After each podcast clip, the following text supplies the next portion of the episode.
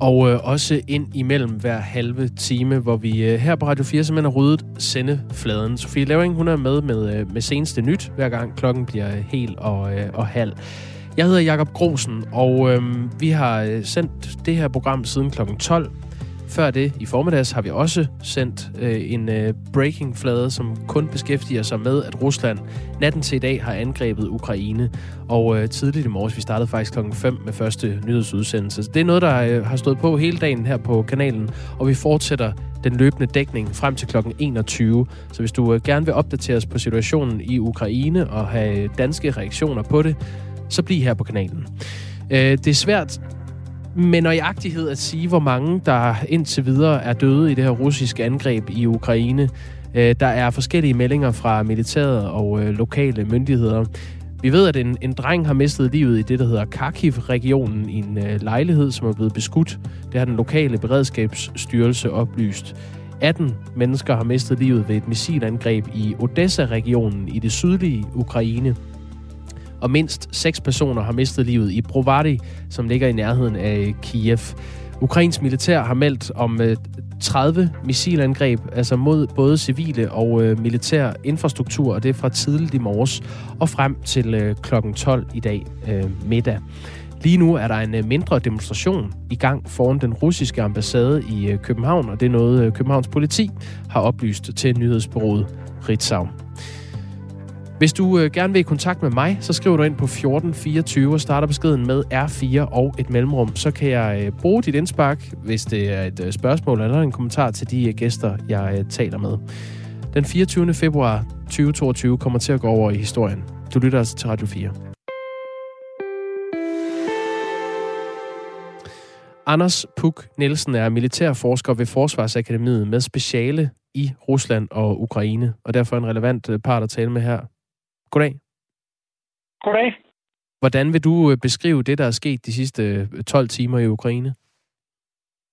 Øh, det er jo først og fremmest enormt sørgeligt. Altså, øh, øh, og så er det jo en, en kæmpe militær operation. Øh, så, så på den måde er det jo også i sig selv øh, historisk. Altså, øh, øh, Rusland, der, der invaderer en, et meget stort naboland som Ukraine, det er, øh, det er jo noget, som, som meget få havde tænkt, at, øh, at, at der skulle ske. ikke Og øh, øh, det, det er lige nu meget uvist, synes jeg, hvilken vej det her det kommer til at gå. Øh, har det, har det kommet bag på dig? Altså, du, du sidder jo som militærforsker ved Forsvarsakademiet og holder øje med, med det her, og det, det har jo været under opsejling i, i nogle uger.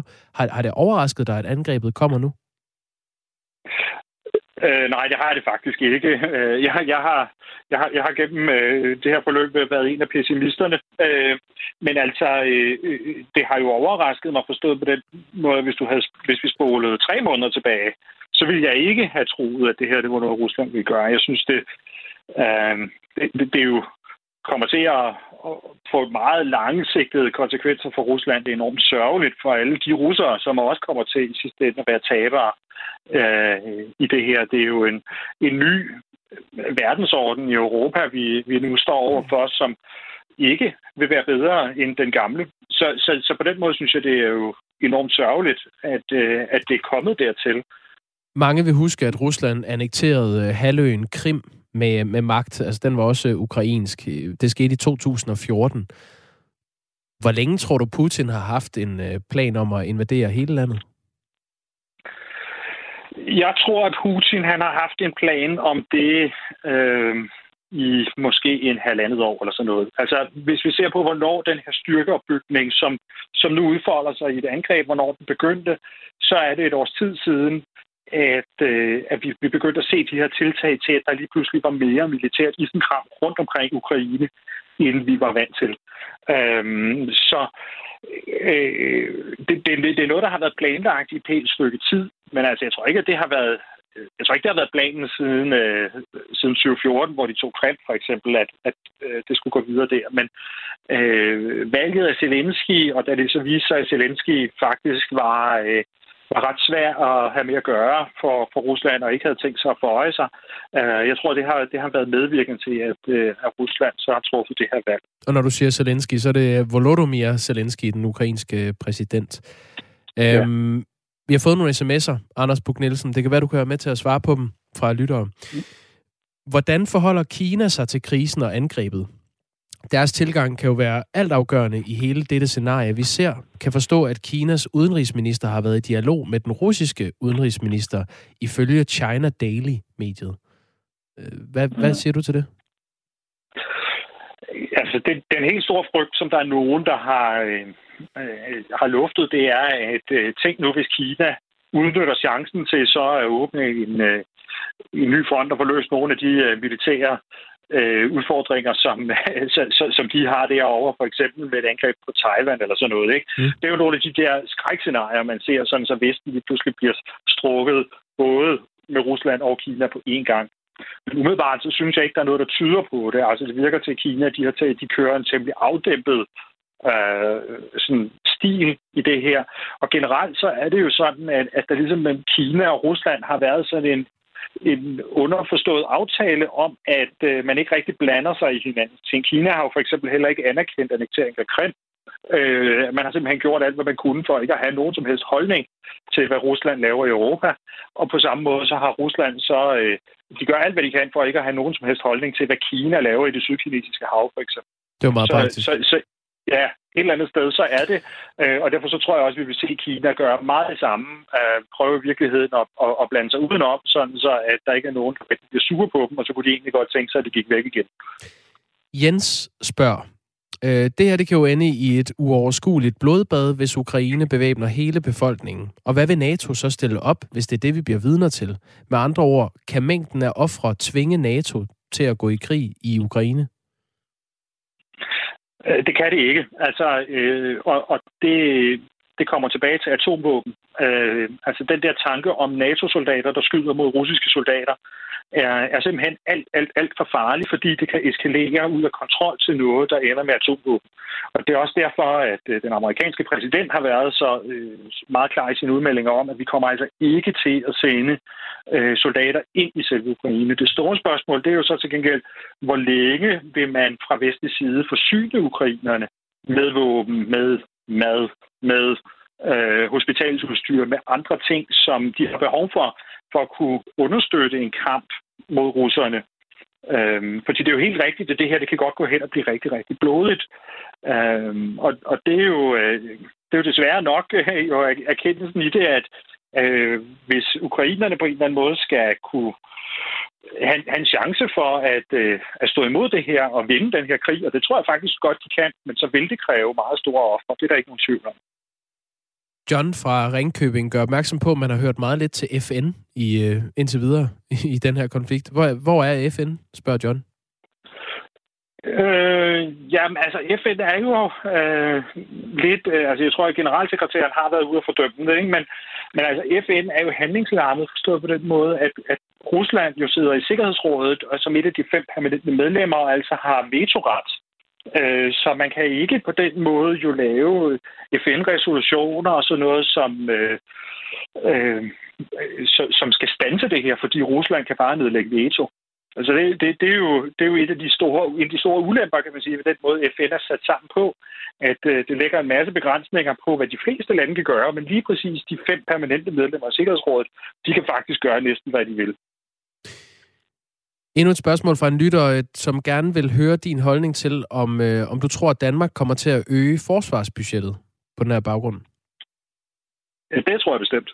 ja, øh, klokkeklart ja. Mm. Altså det her, det, vil, det, det stiller helt nye udfordringer for, for det danske forsvar, som lige nu er øh, mest indrettet til, til sådan noget ekspeditionskrig, hvor vi kan tage ud og støtte amerikanske operationer langt væk øh, hjemmefra. Nu skal vi til at tænke øh, nærområdet på en, på en helt ny og meget mere seriøs måde. Vi ved i hvert fald, at statsministeriet har indkaldt til øh, pressemøde om den her Ukraine-situation klokken, øh, klokken tre, altså om tre kvarter. Øh, Anders Puk Nielsen er militærforsker ved øh, Forsvarsakademiet med speciale i Rusland og øh, Ukraine. Øh, lige her til sidst, der, der er jo flere meldinger om, at det her det, det, det tegner et billede af, at Rusland går efter at invadere hele landet Ukraine, og ikke bare en del af det. Øh, hvad, hvad tror du, øh, vi kommer til at se de kommende dage? Øh, ja, det er, et af de, det er et af de uvisse ting. Jeg tror, jeg tror stadig, at det øh, måske er en for stor mundfuld øh, for Rusland, og at man måske snarere går efter en eller anden form for, øh, for opsplitning af landet, sådan så at man ligesom kan tage de mest pro-europæiske ukrainere og sige, nu kan I være over i Vestukraine, og så, øh, så de pro-russiske ukrainere kan være i, i Østukraine. Øh, simpelthen fordi Ukraine er så stort et land, men så stor befolkning, det vil være svært at holde styr på for russerne. Men, men det er en af de uvisse ting, øh, og hvis de kunne få et regimeskifte, der inkluderede hele landet, altså simpelthen indsat en pro-russisk præsident for hele Ukraine, så tror jeg, de ville synes, det var fremragende. Du skal have tak for analysen, øh, Anders Puk Nielsen. Velkommen. Militærforsker ved øh, Forsvarsakademiet med speciale inden for Rusland og Ukraine. Vi har øh, siden klokken øh, 5 i morges, hvor vi sendte første øh, nyhedsudsendelse her på kanalen, fulgt med i udviklingen i Ukraine, og det, øh, det fortsætter vi altså med at gøre resten af dagen frem til klokken 21. Så det, du hører her, det er en anderledes øh, Radio 4 sendeflade, kan jeg godt sige. Vi har ryddet øh, sendefladen for at, øh, at beskæftige os med Ruslands invasion ad, af Ukraine. Andreas Stenberg er politisk ordfører i øh, Radikale Venstre, og nu med her i programmet. Goddag. God eftermiddag. Øh, både enhedslistens øh, Maj Villersen og SF's Karl Valentin har skrevet på sociale medier, at Danmark skal være klar til at tage imod flygtninge fra øh, Ukraine. Synes du, Danmark øh, skal være klar til det? Ja, selvfølgelig. Hvordan? Øh, vi kan jo nok desværre forvente, at øh, der kommer flygtninge, fordi øh, der, er jo, der er jo simpelthen er krig, og, øh, og mennesker vil, vil flygte. Og øh, det skal vi selvfølgelig være klar til at tage imod, og øh, det, øh, det må, må regeringen jo sætte i gang. Og det øh, tror jeg faktisk også, Mette Frederiksen vil tale om her om, om 45 minutter. Ukraine kommer til at være vores nærområde, og derfor tror jeg, selv nogle af de partier, jeg plejer at være uenig om flygtningepolitik med, de ser anderledes på det, når nu det, det netop er et nærområde til Europa. Ja, altså øh, Mette Frederiksen holder som sagt et pressemøde om øh, Ukraine-situationen kl. 15, det vil sige om tre kvarter. Øhm, hvordan skal det her foregå, øh, hvis, øh, hvis Danmark skal tage imod flygtninge, og hvor mange skal vi være klar til at tage? Ja, men jeg synes, det er useriøst at sætte et antal på, fordi vi ved jo ikke, øh, hvad der kommer til at ske. Men altså i første omgang vil det jo være at sende øh, hjælp øh, til grænsen til, øh, til Polen, hvor man må forvente, at de fleste flygtninge vil komme til. Altså, det kan være telte, mad, tæpper, øh, varmt tøj, hvad, det nu, øh, hvad der nu er brug for. Og så, øh, så må man så se, hvor mange øh, der har brug for at, at få asyl i, i Danmark bagefter. Hvordan synes du ellers, Danmark skal reagere? Her tænker jeg også i forhold til, øh, til beredskabet herhjemme. Ja, nej, altså i første omgang er det jo øh, selvfølgelig vigtigt, at vi fordømmer, hvad der sker, og øh, gør klar til at hjælpe i det omfang, vi nu kan, og taler med vores allierede, det vil sige selvfølgelig de andre lande i EU, Storbritannien, øh, USA, og så kommer, øh, som, som den forsker, I havde inde lige før, så kommer man jo selvfølgelig til at lave en, øh, en helt anden forsvars- øh, og sikkerhedspolitik i, i Danmark og Europa efter det her. Altså verden verden er en anden øh, i dag, end, end den var i, i går. Ja, hvad er det egentlig din reaktion på det? Altså, at vi er vågnet til et uh, helt nyt Europa. Hvad er det for et Europa, du mener, vi er vågnet til nu?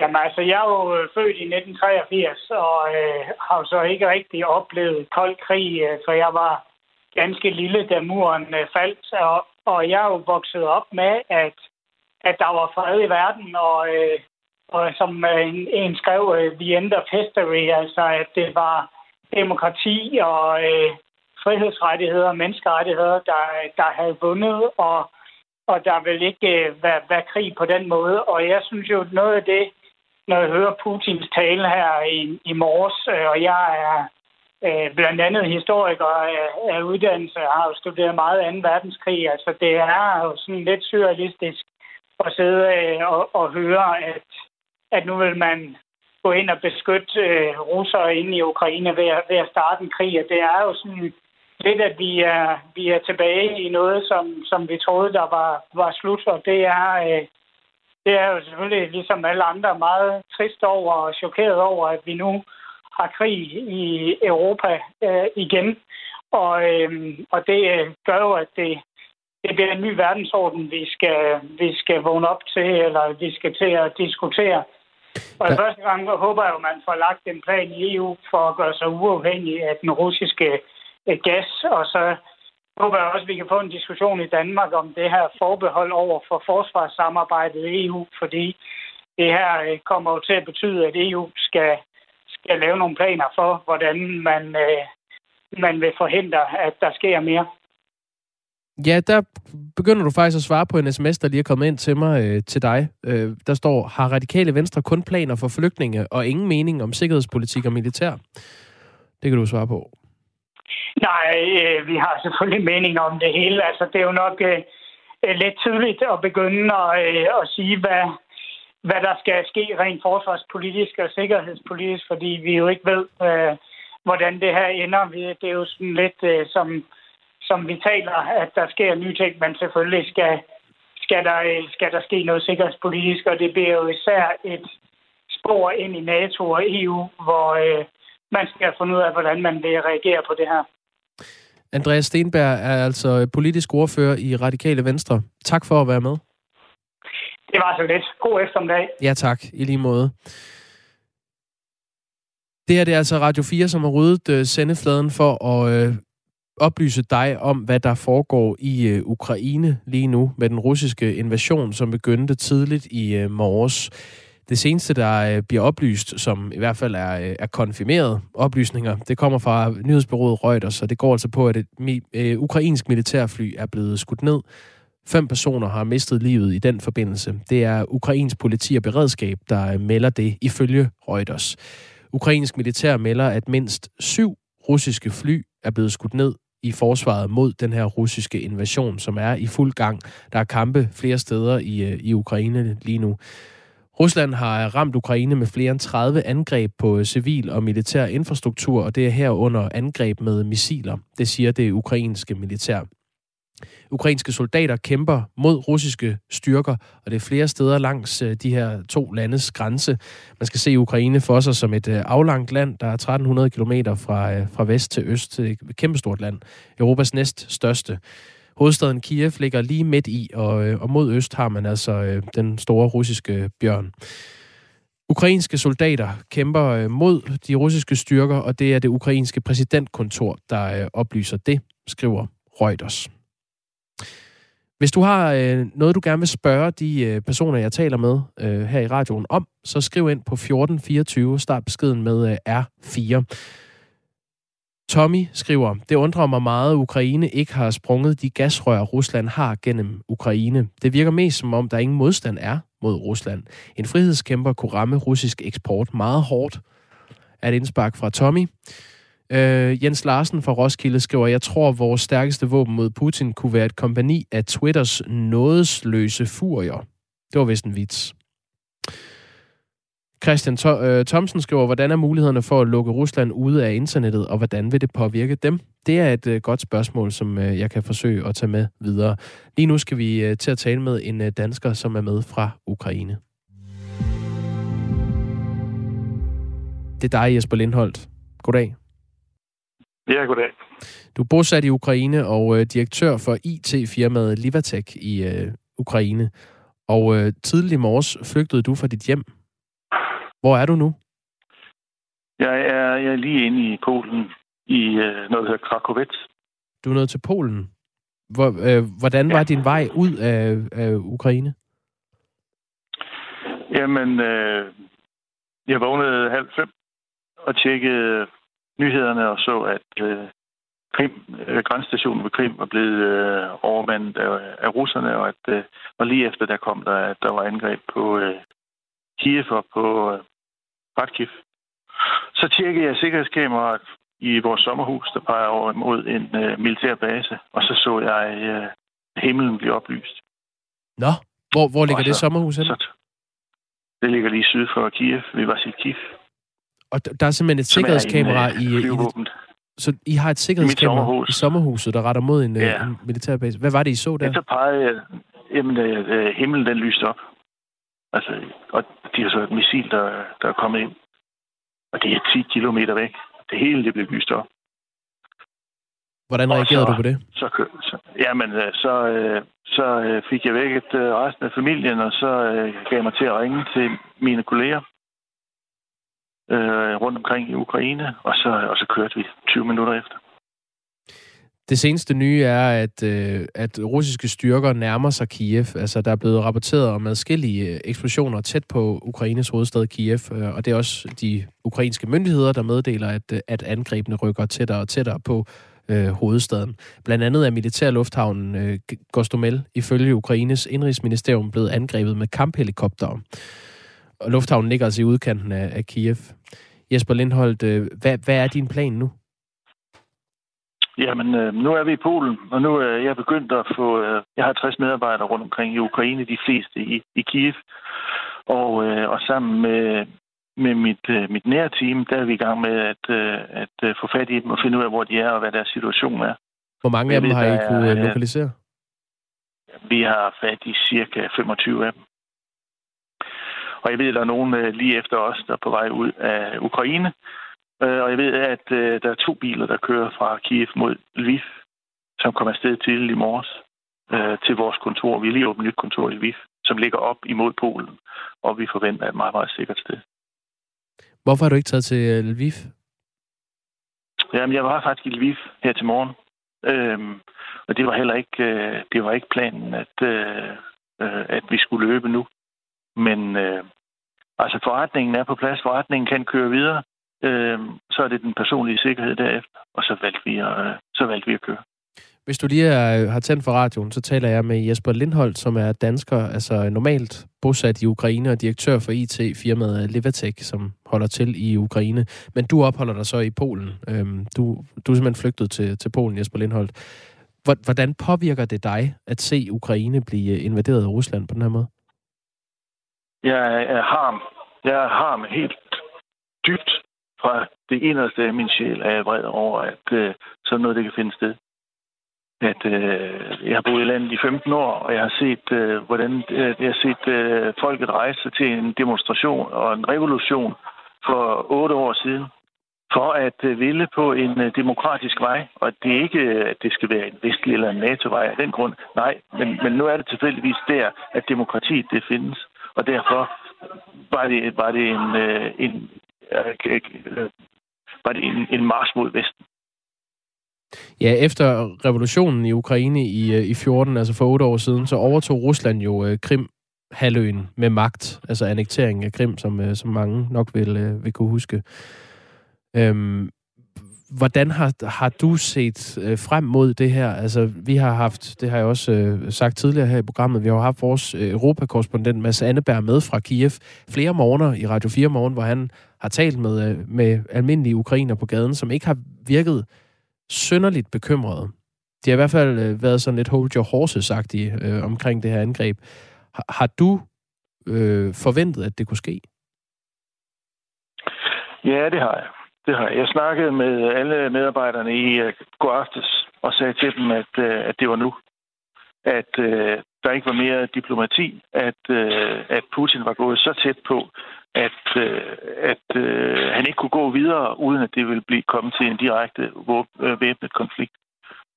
Og, Hvor så du det? Jeg, altså, hvordan kunne du vide det? Jamen, det kunne, det kunne, jeg, det kunne jeg vide, fordi at han, øh, han lavede det der smarte træk med at rykke ind i, øh, i de to udbryderrepublikker og så sige, var, var det her den røde, den, den røde linje, som Biden han snakker om, var det en invasion af Ukraine? Og det er altså og, de to og, og, udbryderrepublikker. Øh, ja, undskyld, øh, Jesper Lindholm, det er bare Donetsk og Luhansk, siger jeg bare lige, så man er med på ja, det. Ja, og så, og så var der ikke mere spillerum. Øh, og samtidig så gav han tre fuldstændig umulige krav til, til uh, ukrainerne om, at uh, de for evigt skulle droppe NATO, og de skulle det militariseres, og at man skulle anerkende, at Krim var, uh, var russisk. Og, og der er ingen af dem, en uh, ukrainsk leder nogensinde ville kunne uh, gå med på. Jesper Lindholdt, jeg, jeg håber øh, det bedste øh, for dig og din virksomhed og dine medarbejdere. Tak skal du have. Øh, tak fordi du var med. Øh, dansker bosat i øh, Ukraine normalt, altså Jesper Lindholt, og øh, direktør for det her IT-firma, som hedder Levatech og ligger i øh, Ukraine. Det seneste nye er, at Ukraine beder deres partnerlande om øh, diplomatisk brud med Rusland. Ukraines partnerlande bør bryde med alle diplomatiske bånd til Rusland, og øh, for på den måde at vise sin støtte til Ukraine. Det melder den ukrainske udenrigsminister Dmitro Kuleba i et tweet. Vi nærmer os øh, klokken halv tre, og øh, et nyhedsoverblik med Sofie Levering. På den anden side af det skal jeg tale med Niels Fuglsang, som er medlem af Europaparlamentet for Socialdemokratiet. Jeg hedder Jakob Grosen. Du lytter til Radio 4.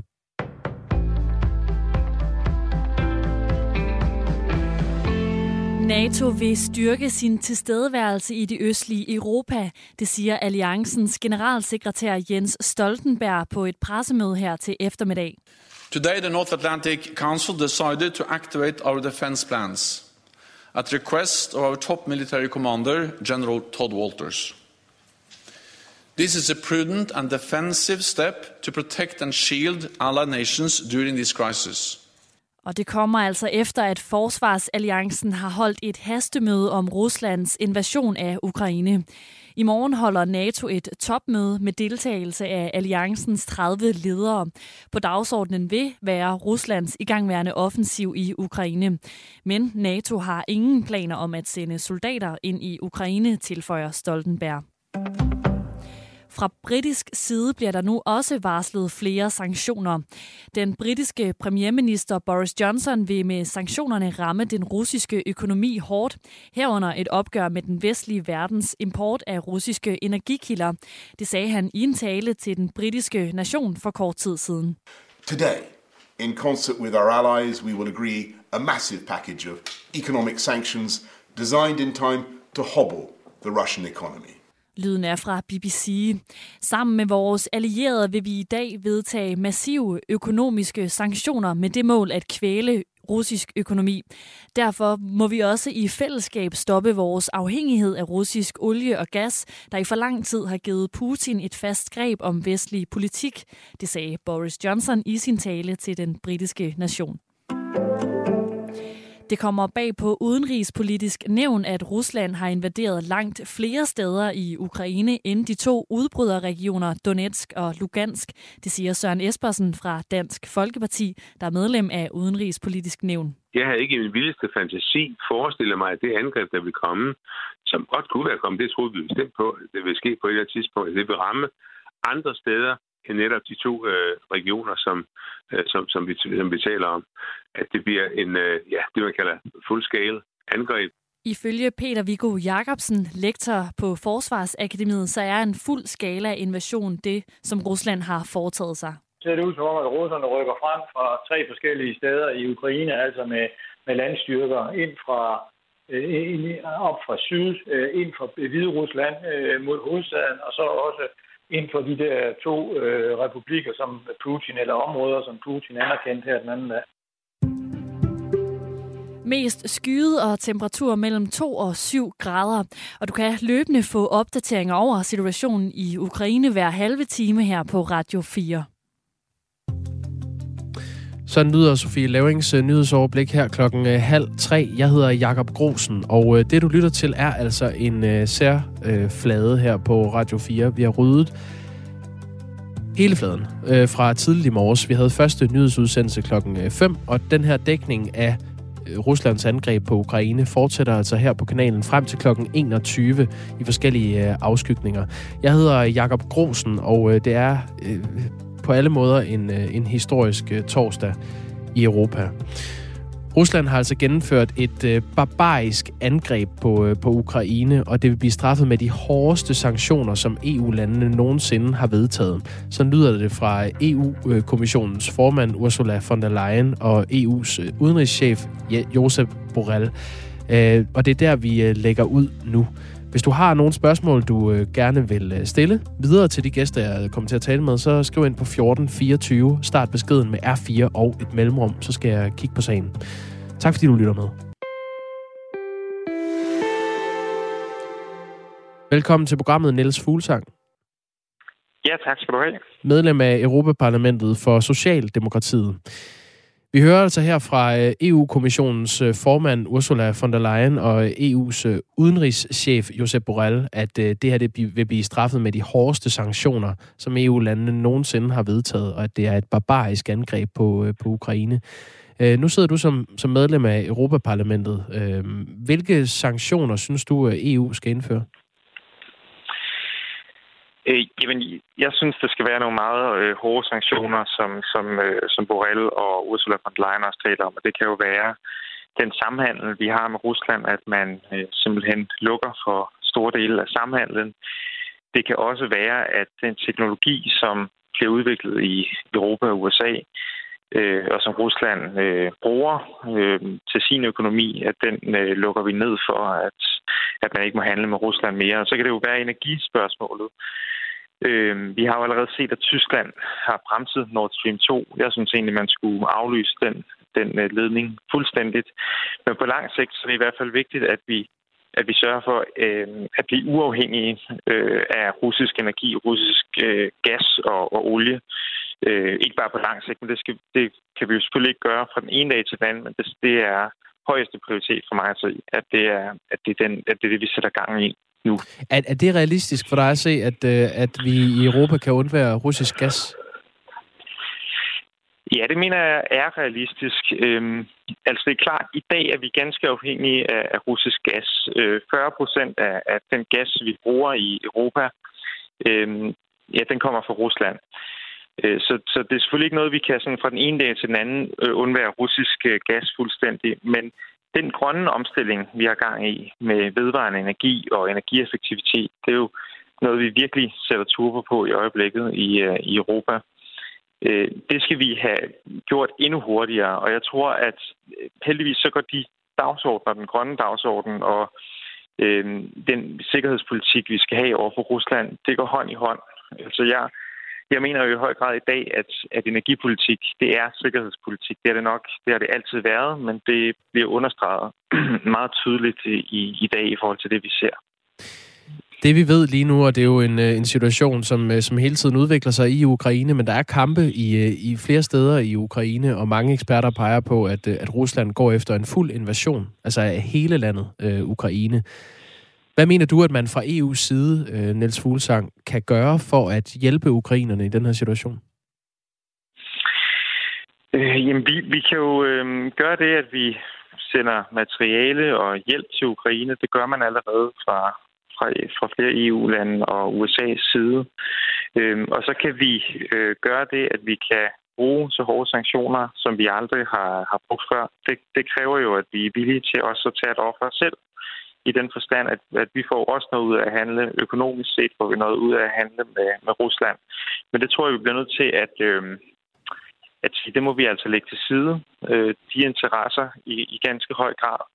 Fordi vi kan ikke øh, se det her, øh, kan, vi, vi kan ikke være det her overhørigt. Det her, det er en udfordring af, øh, vores allesammens sikkerhed, hvis Rusland først, først får lov til at invadere andre lande. Det er jo fuldstændig vanvittigt, det vi ser i øjeblikket. Og derfor så øh, må vi sige, at sikkerhedspolitikken, den må, øh, den må altså komme først. Og, og, og jeg tror, vi forbedrer vores sikkerhed, øger vores sikkerhed ved at reagere meget hårdt, så at Rusland øh, også kan se, at der er nogle konsekvenser ved det, man gør. Niels Fuglsang er altså medlem af Europaparlamentet for Socialdemokratiet. Du skal have tak for at medvirke her. Selv tak. Og det er altså på en dag, hvor, øh, hvor Rusland er gået ind i øh, Ukraine, øh, ja, har invaderet landet simpelthen. Vi var øh, tidligere øh, kort igennem fra vores reporter Amanda Holmen, som øh, havde Jeppe Kofod øh, foran mikrofonen. Han kom ud fra et møde på, øh, på Christiansborg. Og på det her møde fik han og regeringen opbakningen fra, øh, fra Folketinget til at arbejde for at indføre sanktioner mod Rusland i øh, EU-sammenhæng. Han sagde efter det her møde, det er vigtigt, at vi reagerer kraftigt. Derfor tager vi øh, til EU og arbejder for en omfattende sanktionspakke. Og hvilke sanktioner, der bliver tale om, vil han ikke præcisere endnu, men det kommer ifølge udenrigsministeren til at komme, øh, komme til at ramme både det russiske styre, Vladimir Putins øh, inderkreds, russisk økonomi og russiske interesser. NATO meldte tidligere i dag ud, at man vil sende flere soldater til den østlige del af, af Forsvarsalliancens område. Det er altså til lande i Østeuropa, som grænser op mod Ukraine, og det er for at afskrække Rusland. Om øh, Danmark vil sende soldater og udstyr eller lignende afsted i den forbindelse, det vil øh, Jeppe Kofod ikke komme ind på her og, øh, og nu. Men han siger, at regeringen i stedet vil øh, sige mere om det på det pressemøde, som statsministeriet har indkaldt til, og det er klokken 15 i dag. Det vil altså sige om 20 øh, et halvt minut, lige præcis. Jeg har fået en sms her, hvor der står, selvfølgelig skal forsvarsbeløbet hæves. Er det ikke ligegyldigt at høre på, at forskellige mennesker ytrer deres afstandtagen til angrebet af Ukraine? Rusland øh, og Putin ryster vel ikke i bukserne, hvis han erfarer, at Mette Frederiksen, Jeppe Kofod og Morten Bødskov tager afstand fra angrebet. Det gør alle mennesker i Vesten. Jeg synes, det er meget synd for befolkningen i Ukraine, står der en sms.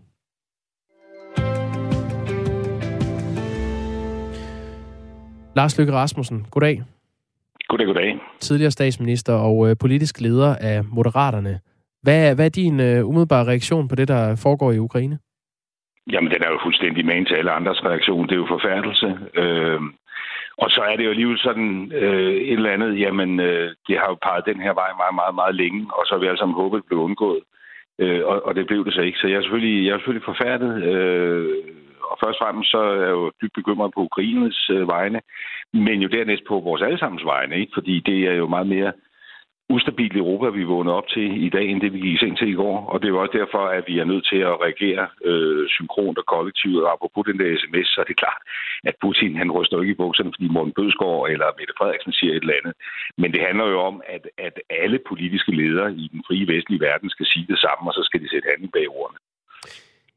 Jeg har haft øh, flere politiske stemmer med øh, her de seneste par timer på, øh, på Radio 4. Blandt andre Søren Espersens. Øh, han er jo fra øh, Dansk Folkeparti, udenrigsordfører der. Og han øh, pegede på, at I danske politikere sådan kollektivt har undervurderet Putin, øh, og dermed er blevet overrasket over, at han er villig til at gå så langt, som han nu har vist sig at være. Er du enig i den betragtning? Ja, ellers måske har vi snart overvurderet ham. Altså, fordi jeg tror, vi har haft en øh, opfattelse af Putin. Øh, den har altså selv revideret over de seneste år. Man har haft en opfattelse af, at her var der tale om øh, altså, øh, en person, der tog, træffede nogle, nogle rationelle øh, beslutninger. Men, men der er jo sket noget med, med, med, med Putin. Altså, han har udviklet sig til at blive en øh, despot. Jeg kan huske, at Angela Merkel engang sagde til mig, at når folkevalgte ledere begynder at bygge paladser til sig selv, øh, så skal man begynde at tage sig jagt, ikke? fordi så er, der, så er der sket noget med dem. Mm. Og det er jo den forandring, Putin har, har undergået. Der var jo på et tidspunkt, hvor vi var meget mere håbefulde. Jeg har selv haft Putin på besøg i København. Øh, vi lavede russiske, danske handelskammer. Øh, vi havde fremtrædende danske CEOs, der defilerede forbi, der lavede store investeringer i Rusland. Vi troede, vi skulle have en fredelig øh, relation, øh, et samarbejde, samhandel. Og så har vi så set øh, tilbage fra Georgien og Krim-invasionen en, øh, en, en mand, der mere og mere har forvandlet sig til en øh, despot, ikke? som øh, bruger øh, propaganda også på de indre linjer øh, til at fremme sine egne beslutninger. Og det er også derfor, at der skal skrues op for de her sanktioner, og man skal begynde at ramme rigtig hårdt alle de mennesker, øh, der i virkeligheden altså har, har, har tjent penge på grund af, af, af Putins politik, fordi det er jo i sidste ende kun dem, der kan skabe det pres op mod ham, der gør, at Rusland over tid kommer til at stå et andet sted.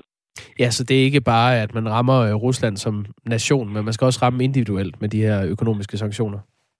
Der er jo masser af rige russere, der elsker at købe fodboldklubber i Storbritannien, eller sidde på deres hus nede i Rivieraen, eller på Mallorca, eller sådan noget, øh, og som er blevet styrtende rige efter murens fald. Ikke?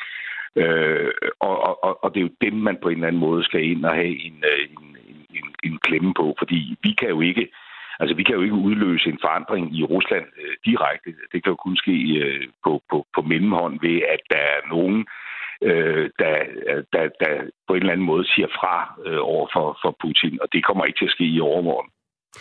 Der er lige kommet et telegram ind om, at Ukraines regering nu fortæller, at øh, de vurderer, at Rusland forsøger at besætte størstedelen af Ukraine og altså indsætte en øh, pro-russisk regering i øh, Kiev.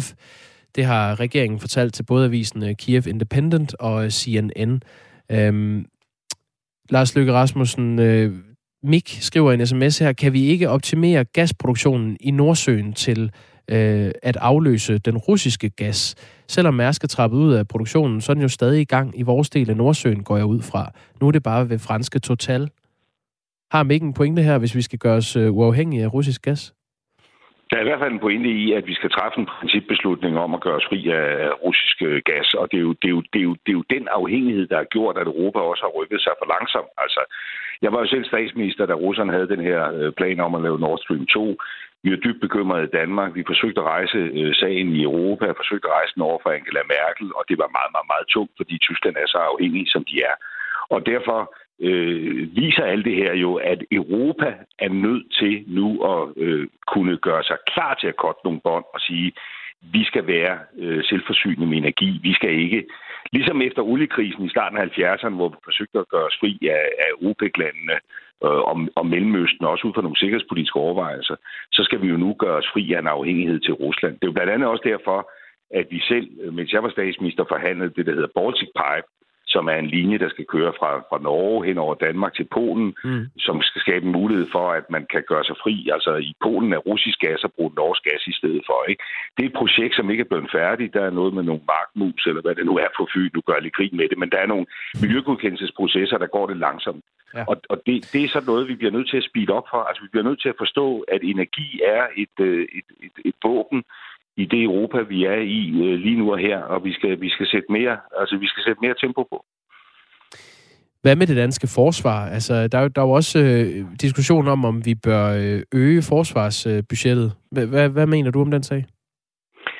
Jamen, det kommer vi til, øh, og det har vi jo også taget hul på. Vi genåbnede forsvarsforliget den sidste folketingsperiode og lagde et år mere på og prøvede at få procenten lidt opad. Vi har jo øh, os til i et, øh, til NATO-topmøde i Wales, da Obama øh, var præsident, at vi skulle arbejde hen imod den her 2% målsætning. Og, og det øh, vil den her aktuelle situation jo også understrege øh, nødvendigheden af, når man skal forhandle nyt forsvarsforlig. Men det jeg var bare nødt til at sige, det er jo ikke noget, der gør en forskel i forhold til den helt aktuelle situation, vi står i nu. Men. Lars Løkke Rasmussen er altså øh, politisk leder af Moderaterne og tidligere statsminister. Du skal have tak for at medvirke her på Radio 4. Selv tak. Lykke har ret, skriver Michael på sms'en. Man må vel se på Putins ændring af sin karakter og vilje øh, som et personligt tab i situationen. Han er blevet en ældre mand, fraskilt og har måttet snyde sig til magten med valgsvindel. Han har til synligheden et stort behov for at fremtræde som macho. Måske grundet hans mandslingefigur.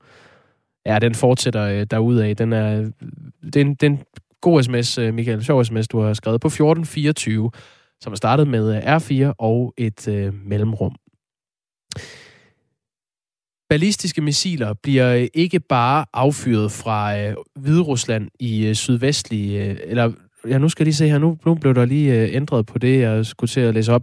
Ballistiske missiler bliver ikke bare affyret fra Rusland, men også fra Hvide Rusland, oplyser Ukraines øh, militær på sin officielle Twitter-konto. Øh, ifølge Ukrains militær er der blevet affyret fire ballistiske missiler fra Hvide Rusland i sydvestlig øh, retning. Og Hvide Rusland har jo erklæret sig øh, villige til at bakke op omkring Rusland øh, i den her invasion af Ukraine. En ukrainsk kærchef siger nu til øh, nyhedsbyrået Reuters, at Ukraines militær kæmper hårde kampe mod Rusland om øh, kontrollen med militærlufthavnen i det, der hedder Gostomel øh, lufthavn, som ligger bare 25 km uden for Kiev. Og det lader til at være et øh, strategisk vigtigt mål for, øh, for Rusland. Nummeret herind er 1424. Start beskeden med R4 og et mellemrum, hvis du øh, gerne vil øh, sige noget, som kan bidrage til øh, den her breaking-flade, vi øh, laver i øh, den øh, triste anledning, at Rusland har invaderet Ukraine. Jeg hedder Jakob Grosen. Der er mange, der er berørt af den her situation i, øh, i Ukraine, og en af dem, som er særligt personligt berørt af situationen, det er vores lytter Claus Pitsner. Han har sendt os en sms, hvor han skriver, at hans seksårige datter bor i Ukraine med sin mor, og at han ikke har hørt fra dem endnu. Jeg spurgte ham, hvordan han havde det med, med den situation, han står i lige nu. Øh, mildt sagt på øh, grådens rand. Øh, jeg er dybt frustreret. Jeg har ikke hørt fra hende øh, siden i morges øh, fra, fra moren. Øh, nu har jeg skrevet flere gange, og jeg har prøvet at ringe. Jeg kan selvfølgelig ikke øh, være vidne om, om, om hvorvidt nettet det er, er brudt ned, eller der er bare pres på nettet. Jeg ved det ikke. Men, øh, men jeg prøver, prøver at vibe, og jeg kan, jeg kan se, at, at, at, at øh, beskeden er læst, men, men jeg får ingen reaktion. Øhm.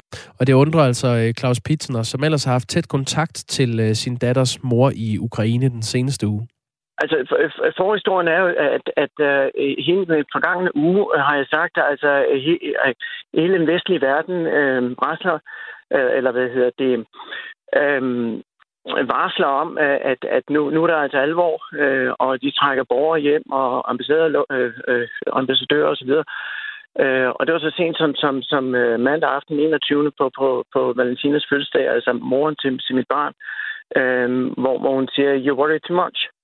Og så, så siger jeg, nå, nå. Og næste dag, så var det, at, at Putin anerkender de to udbryderrepublikker der, som, øh, hvad hedder det, øh, og, nu, og nu går I i, i, i, i felten her nu.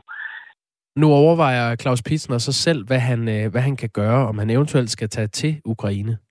Det er således, at øh, jeg er 55 år, og, og, og det er mange år siden, at jeg øh, Dimitteret som, som øh, sergeant i, i, i 88 og været inde i militæret, dansk militær øh, i, i, i to år. Øhm, øh, og jeg, jeg, var, jeg levede jo med, opvokset med, med den kolde krig. Øh, så, så, så et eller andet sted, så, så, så har russerne altid stået som, som den store øh, fjende. Øhm, heldigvis i mange år øh, er det ligesom gået i dvale, og, og, og der var en fornuftig udvikling øh, i gang. Øh, men, men når man så får det så tæt på kroppen her, at man oven i køben har en lille datter på 6 år i, i Ukraine, som, som skal opleve øh, det at være et krigsbarn. Altså en ting har min mor, øh, gamle mor på 82, øh, født i 39, øh, oplevet øh, besættelsen øh, af Danmark øh, som, som krigsbarn og så videre. Og nu har jeg en datter, der, der skal opleve det samme. Jeg siger bare, at, at de skal ikke tage min datter fra mig. Det skal de ikke. Så, så og om, om, om, jeg ved godt, at, at, at de er underliggende øh, ukrainerne i deres militærudstyr og teknologi osv. Jeg er helt fløjtende ligeglad. Jeg overvejer øh, og, og, øh, melde mig til, til det ukrainske militær, øh, og de kan bare stikke mig en riffel om det så er det. På et eller andet tidspunkt, ja, det er godt, at de, de sender artilleri og alt muligt andet, øh, som de gør, og de, de rykker ud med kampvogne og så videre, sender, sender ind i byerne. På et eller andet tidspunkt kommer det til nærkamp, og det er der, jeg mener, at øh, sådan en som jeg kan gøre, kan gøre en for, øh, forskel. Jeg er 55 år, men jeg tager stadigvæk 150 armbøjninger, som, og har gjort det siden jeg var 21 år, eller 11 år for den sags skyld, men 21 år, det har jeg været militæret sidst. Øh, jeg, jeg er kampklar. Selvfølgelig er jeg ikke professionel soldat, nej, og der er mange naive forestillinger om, hvordan jeg kan øh, gøre en forskel, men, men, men, øh, men de skal ikke, de skal ikke øh, hverken tage mit second home derovre, øh, min, min, min datters mors lejlighed derovre, øh, my home is my castle, øh, det skal de ikke, og de skal slet ikke tage, tage, tage nogen liv. Sådan fortæller øh, vores lytter Claus Pitsner, som står i den forfærdelige situation, at hans øh, seksårige datter bor i Ukraine med sin mor, og at han altså ikke har hørt fra dem siden i, øh, i morges. 8 minutter i øh, 3 er klokken, og det er altså klokken 3, at der er øh, pressemøde i statsministeriet. Lige nu er mange øh, ukrainere på vej ud af Ukraine. Der er set øh, meget lange køer fra, øh, fra hovedvejen ud af Kiev, og det er siden i morges. Billeder fra en øh, grænseovergang mellem Ukraine og Polen viser ifølge nyhedsbyrået Reuters folk, der er torsdag, altså i dag, hele dagen, har flygtet fra Ukraine, og det er grundet øh, angrebet fra, fra Rusland. Karl Valentin er udlændingeordfører i SF. Goddag. Goddag. Tidligere i dag skrev du på øh, Twitter, Danmark skal være klar til at tage flygtninge fra Ukraine om nødvendigt. SF opfordrer regeringen til at presse på for en fælles fordelingsnøgle i EU-regi. Hvordan øh, ja. forestiller du dig, at det praktisk skal foregå? Jamen, det skal praktisk foregå sådan, at Mathias Tesfaye, han skal tage fat i sine øh, ministerkolleger og drøfte muligheden for det her. Men det er klart, situationen lige nu er jo ekstremt akut, og derfor så er det, der er brug for lige nu også, at Danmark melder klart ud, at vores arme er åbne i forhold til at modtage de mennesker, der nu engang flygter fra Ukraine. Det kan godt blive flere end øh, dem, der er på vej lige nu. Det kan blive mange, mange flere, og det kan blive en kæmpe stor udfordring. Og derfor så mener jeg stadigvæk, at det her EU-spor er vigtigt. Men lige nu der er der jo en masse mennesker, som har brug for en varm seng at sove i og noget mad på bordet. Og der skal Danmark øh, stille sig klar, fordi det er vores nærområde, det er Europa, det handler om. Det er ekstremt vigtigt, at de her mennesker får noget tryghed. Hvor mange øh, flygtninge bør Danmark tage? Det kan jeg overhovedet ikke give noget bud på, og det kan jeg ikke, fordi jeg jo for det første slet ikke ved, hvor mange mennesker, der kommer til at flygte her. Det er jo meget uklart, og det er der ingen mennesker, der vil kunne give en bare nogenlunde vurdering af i den nuværende meget usikre situation. Men jeg mener, at Danmark skal tage et stort ansvar her. Vi kan jo ikke tage det hele, og det er også derfor, jeg appellerer til, at man, man forfølger et EU-spor, fordi jeg mener, vi skal udvise europæisk solidaritet i den her situation og fordele dem rundt omkring i Europa, sådan at, øh, at folk får den beskyttelse, som de har brug for.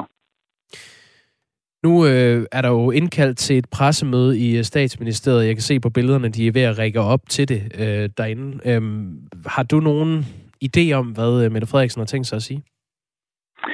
Jeg forventer, at det her pressemøde det øh, i høj grad også kommer til at handle om udenrigspolitik, og der sidder jeg ikke med ved bordet, for jeg er udlændingoverfører. Så det, jeg koncentrerer mig om, det er flygtningesituationen og hvordan øh, regeringen og Danmark skal håndtere øh, den her situation i forhold til at modtage folk. Men jeg håber da, at hun kommer ind på den forpligtelse, som jeg mener, vi har til at hjælpe de mennesker, som er på flugt nu. Og øh, ja, jeg håber, at det bliver en del af pressemødet også. Øh, jeg ved det ikke, men øh, ellers er der nok en god journalist, der spørger ind til det. Jeg mener i hvert fald, at Danmark skal stå klar til at tage ansvar i den her situation. Det har vi en klar forpligtelse til.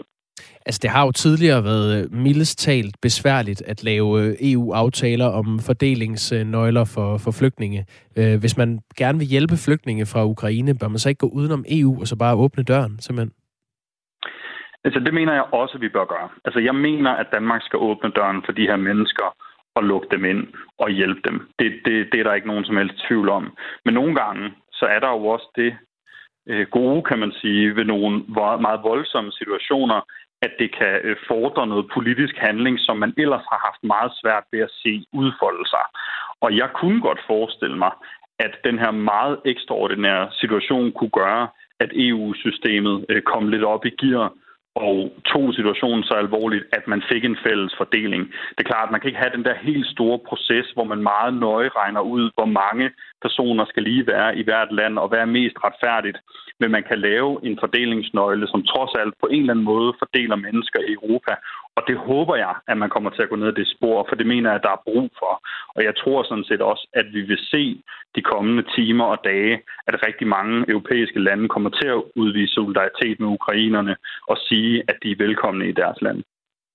Karl Valentin, vi har haft øh, flere politikere med fra Christiansborg øh, her i løbet af de seneste timer. Øh, Søren mm. Espersen var en af dem, altså udenrigsordfører i, øh, i Dansk Folkeparti. Ja. Han sagde, at øh, I blevet taget på sengen, øh, som sådan danske politikerstand betragtet. Altså, at man øh, simpelthen har undervurderet Putin. Er, er du enig i det? Det synes jeg fandme er et svært spørgsmål. Altså, jeg tror ikke, der er nogen tvivl om, at der er rigtig mange, der er overrasket over den her udvikling. Men jeg mener jo også, at der er mange ledere øh, rundt omkring i verden, der har advaret den her situation i flere dage. Men man kan jo ikke undgå at blive chokeret, når det så udfolder sig på den her måde. Øh, men jeg vil sige, jeg har også for flere dage siden øh, allerede nævnt, hvor vigtigt det var, at Danmark øh, gør sig klar til at modtage flygtninge, så frem der opstår sådan en situation. Så jeg føler ikke, at vi er blevet taget på sengen i forhold til at begynde at klargøre os til, at, at der kommer flygtninge til Danmark. Men det er jo klart, at at situationen er eskaleret meget drastisk, og det har været overraskende for mange, at Putin er så aggressiv i sin tilgang. Øh, og det, det tror jeg, at de fleste af os kan mærke helt inde i knoglerne i de her dage. Karl Valentin, altså udlændingeoverfører i øh, SF. Tak fordi du var med. Selv tak. Om et par minutter tager missionen over som sædvanligt her på øh, Radio 4. Der står klokken nemlig 15. Øh, Amalie Bremer og Tony Scott, øh, I er med lige nu. Det er vi i hvert fald. Hvad, hvad kan man ja. Øh, forvente af missionen i dag? Jamen, man kan forvente, at øh, man følger med i, øh, i situationen. Det gør vi de næste to timer her på Radio 4. Vi sidder her i studiet, Tony og jeg, sammen med Pernille Rodbæk, som normalt er vært på, vært på mandat. Vi følger selvfølgelig med i Mette Frederiksens øh, pressemøde. Og så øh, følger vi ellers udviklingen sammen med eksperter, som kan gøre os meget klogere på, hvad i alverden det er, der foregår. Så det er en lidt anderledes udgave øh, af, af vores program i dag. Det er jo ikke missionen, ja. som det plejer at være, fordi det her, der sker i Ukraine, øh, det overskygger alting. Det vil være mærkeligt, øh, hvis vi ikke ligesom også lige øh, vendte blikket i, i den retning og, og opdaterede hele tiden, og lige mm. havde øjnene på bolden mm. og, og fulgt, hvad der sker. Så det gør vi. Vi tager chancen her de, de næste par timer på radioen. Vi øh, sendt øh, om den her invasion fra russisk side af Ukraine siden klokken 5 i morges her på kanalen, og vi fortsætter frem til klokken 21, når, øh, når I giver stafetten videre klokken 17 til Aftenradio. Handler det nemlig også om Ruslands invasion af Ukraine, og det er så frem til klokken øh, 21. Amalie Bremer og Tony Scott, hvordan, øh, hvordan kommer I til at dække det her pressemøde?